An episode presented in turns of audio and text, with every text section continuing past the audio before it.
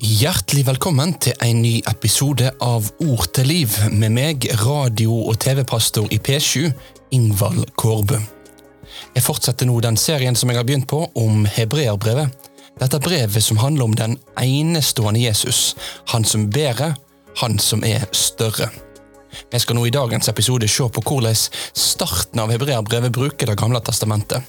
Jeg håper at denne episoden kan være nyttig for deg når det gjelder hvordan vi òg kan forstå mer av bruken av Bibelen. Og kanskje kan dette her inspirere deg til å studere Guds ord litt mer. Få med deg flere program av Ord til liv, eller andre produksjoner for P7 ved å gå inn i P7-appen eller på p7.no. Nå er det tid for dagens episode.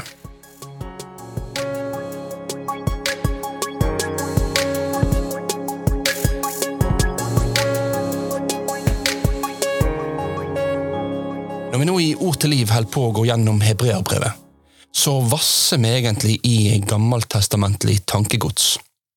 Tematikker, personer og sitat fra Det gamle testamentet dukker opp i vers etter vers og gjennomsyrer egentlig hele dette brevet her. Og Det blir veldig tydelig når vi kommer til vers fem i det første kapittelet.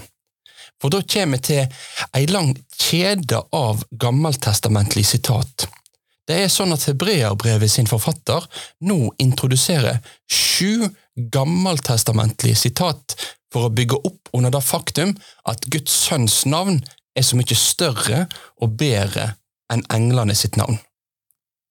Det forrige programmet av liv det handler om dette forholdet mellom englene og Guds sønn, og jeg sa da at vi skulle komme tilbake til hvordan forfatteren her bruker disse gammeltestamentlige tekstene. For veldig mange av oss bibellesere så er det nok sånn at vi i første rekke bare ser på den teksten vi har framfor oss. Så når vi leser i Nytestamentet, så tenker vi ikke så mye over at det kan være en gammeltestamentlig bakgrunn her. Kanskje vi har en bibeløversettelse der det er kursivskrift der det er gammeltestamentlig sitat, men vi tenker nå kanskje ikke så mye over det. Og jeg tror vi kan gjøre klokt i av og til stoppe opp for og tenke over hva gammeltestamentlige tekster er det som blir tatt fram her? Hvorfor blir de tatt fram? Og kan bakgrunnen i Det gamle testamentet hjelpe meg til å forstå den nytestamentlige teksten bedre òg? Ja, jeg tror i noen tilfeller gjelder i alle fall da. I jødedommen på Jesu tid så var det ikke uvanlig å koble flere bibelvers sammen, og da kunne en blant annet gjøre det gjennom stikkord som dukker opp i ulike tekster. Og Gjennom dette så kunne da rabbien bygge opp ei kjede av bibelsitat som var med å argumentere for den saken han ville løfte fram. Og her i Hebreabrevet kapittel 1 ja, så kan vi se at det er det som skjer. Det er noen stikkord som binder versene sammen, og de bygger opp under argumentet for at Guds sønn han er bedre og større enn englene. De sju sitatene de er gruppert to og to, da de to første tekstene er linka i lag, de to neste er linka i lag, deretter de to neste, og så kulminerer alt da i den sjuende gammeltestamentlige henvisningen til Salme 110 om han som skulle være en øversteprest på Melkisedeks vis. Og Den Salme 110 kommer til å komme tilbake til seinere i løpet av denne serien om eh, Hebreabrevet, men nå skal vi i dag fokusere på de to første sitatene. Alt er ikke sagt med dette her, men jeg håper i alle fall at gjennom disse to første sitatene så kan vi få én nøkkel til hvordan vi kan forstå litt mer av bruken av Rømletestamentet i hebreerbrevet.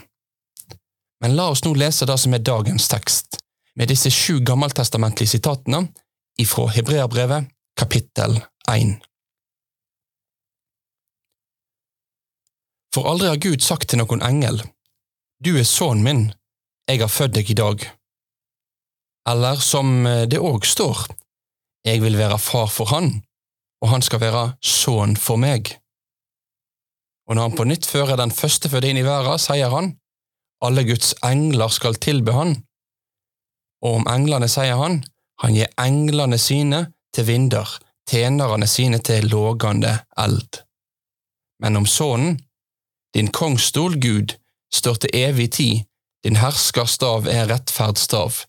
Du har elska rettferd og hata urett. Derfor har Gud, din Gud, salva deg og ikke dine venner med gledes olje. Og videre, du, Herre, grunnla i opphavet jorda, og himmelen er et verk av dine hender. De skal gå til grunne, men du blir værende. De skal alle eldes som klede. Du ruller de sammen som ei kappe, de blir utskiftet som klede. Men du er den samme. Åra dine tek aldri slutt.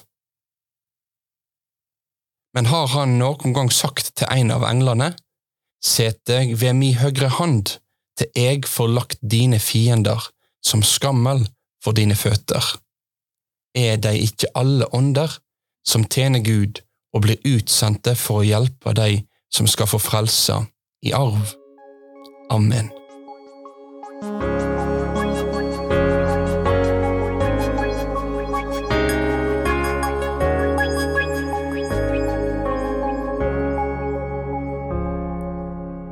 Det er mye som kunne vært sagt om det som er dagens tekst, og bruken av Gamle testamentet i den. Men jeg skal nå fokusere på de to første gammeltestamentlige sitatene. Det er to tekster der eh, Gud i Det gamle testamentet omtaler en skikkelse som sin sønn. Det sto først at eh, du er sønnen min, jeg har født deg i dag, og deretter jeg vil være far for han, og han skal være sønn for meg. Jeg vil begynne med dette siste sitatet. Jeg vil være far for han, og han skal være sønn for meg. Det henter jeg fra andre Samuels bok, kapittel 7 og vers 14. Det var kong David som fikk høre dette her den første gangen. Kong David han hadde store ambisjoner og planer om at han ville bygge et hus for Herren. Men profeten Natan han kommer til David og beskriver at det er det motsatte som skal skje. Det er ikke David som skal bygge Herrens hus, nei, det er Herren som skal bygge Davids hus og Davids kongedømme. Herren skal sørge for at det ikke går med David som det gjorde med hans forgjenger Saul. For Saul sin sønn han satt jo aldri på truna, men her ble det gitt løfte til David om at hans slekt skulle være kongsslekta i Israel, og at hans sønn skulle være en som var Guds sønn, og som Gud var far for. Og Denne sønnen han står det om i 2. Samuel kapittel 7 at han òg skulle komme til å bygge et hus for Herren. Så hvem sikter da denne profetien mot? Jo, den ser jo ut i første omgang til å sikte på Salomo, Davids biologiske sønn som overtok kongssepteret etter David. Og Salomo han han skulle være Guds sønn, i det at han skulle være Guds viseregent og håndheve Guds vilje her på jorda. Så da var den andre av tekstene. Går vi til den første teksten som ble sitert, Du er sønnen min, jeg har født deg i dag, så er den henta ifra Salme 2, som er en salme som òg spiller på denne kongetematikken. Den handler om hvordan Herren innsetter sin konge på Sion, og at denne kongen da får beskjed av Herren ved innsettelsen, du er sønnen min, jeg har født deg i dag. Mange har hevda, og jeg vil si med, med god grunn, at uh, dette her kan ha vært en sånn tronstigingssalme, altså en salme som kan ha blitt brukt når konger av Davids i ett ble innsatt som regenter over Guds folk i Jerusalem. Men samtidig som begge disse tekstene her ser ut til å henvise til å ha en klangbunn i samtida, så sprenger begge tekstene rammene for hva de gammeltestamentlige kongene kunne oppfylle. Det er som om disse tekstene har noen ulike lag. For til David så ble det sagt at hans hus og hans kongstol skulle stå fast til evig tid men både Salomo og alle hans etterkommere som konger i Jerusalem i gammeltestamentlig tid, de døde før eller seinere. Og til slutt skjedde jo da òg at eh, kongen i Jerusalem ble detronisert når babylonerne kom og knuste byen. Og i Salme 2 er det også noe som sprenger rammene for enhver konge som ble innsatt på Sion i gammeltestamentlig tid. For da blir det fortalt om hvordan Gud ville gi sin sønn hele jorda i eie. Men det var ingen jødisk konge som ble hersker for et verdensomspennende imperium. Ingen før den store kongen kom, han som er kongenes konge og herrenes herre, han som kom for å samle seg ett folk for alle folkeslag og nasjoner. Med disse tekstene her så blir det danna det jeg vil kalle et typologisk spor. Typologi det er noe vi kommer til å komme tilbake til senere i brevbrevet, for det dukker opp stadig vekk. Men vi kan merke oss at typologi det handler om et historiesyn der nytestamentlige forfattere ser at gjennom den rollen og funksjonen de spiller, så forespeiler gammeltestamentlige personer, institusjoner og hendelser Guds endelige inngripen i Jesus Kristus. Og i de to tekstene jeg siterte, ja, så ser det ut til å være et sånn type typologisk spor. Det sikter til personer i samtida, men samtidig peker det forbi det som skjer i samtida, mot ei framtid der han en dag skulle komme.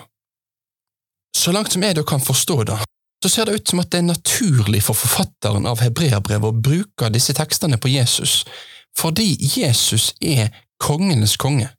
Han er den endelige kongen som alle forventningene og håpene knytta til hvordan en konge skulle være, nå finner sin endelige fylde og oppfyllelse i. Han er den nye David, men han er den bedre David.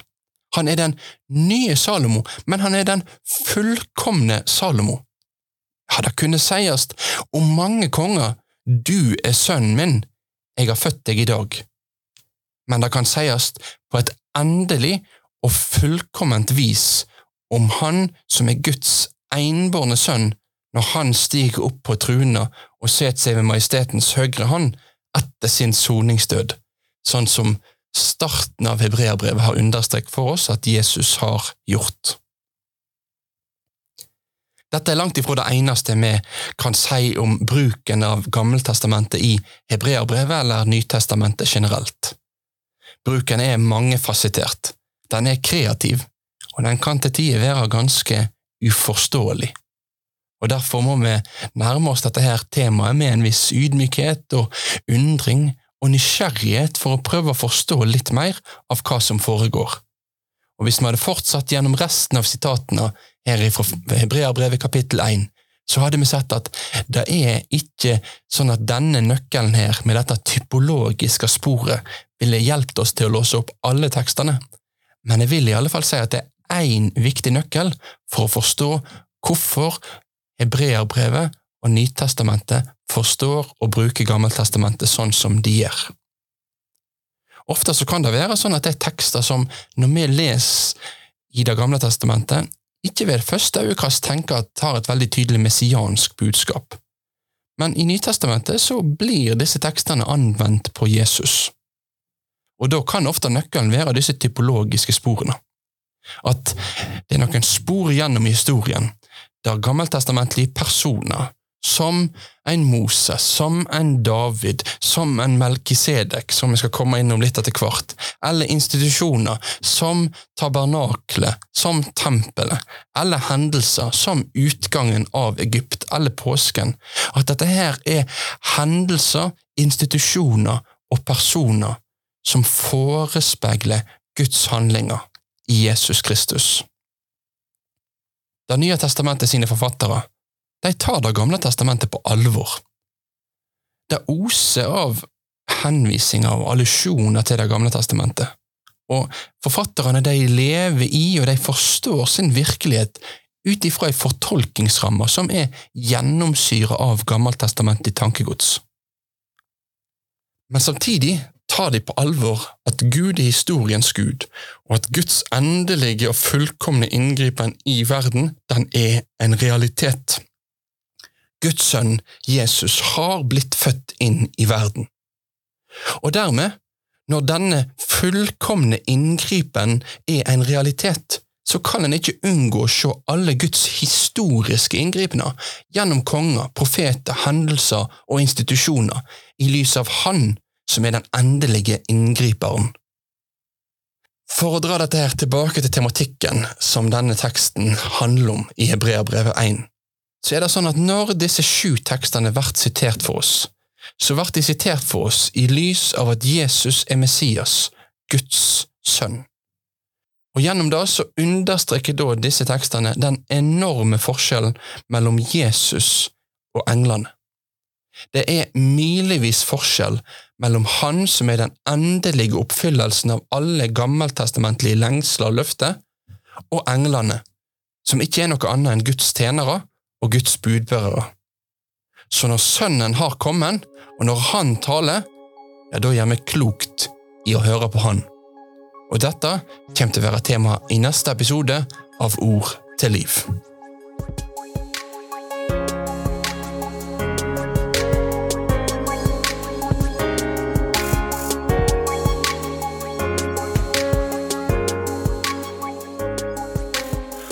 Tusen takk for at du valgte å få med deg denne episoden av Ord til liv med meg, radio- og TV-pastor i P7, Ingvald Kårbø.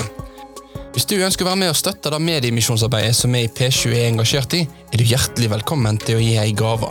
Og Da kan du gjøre det ved hjelp av VIPS og bruke nummer 547767. Vi fortsetter neste gang med å gå inn i kapittel to i Hebreabrevet, der vi skal stoppe opp for viktigheten av og alvorligheten av å høre Jesu ord. Men da kommer vi til å komme tilbake til i det neste programmet. Inntil da vil jeg ønske Herrens rike velsignelse over deg og ditt liv.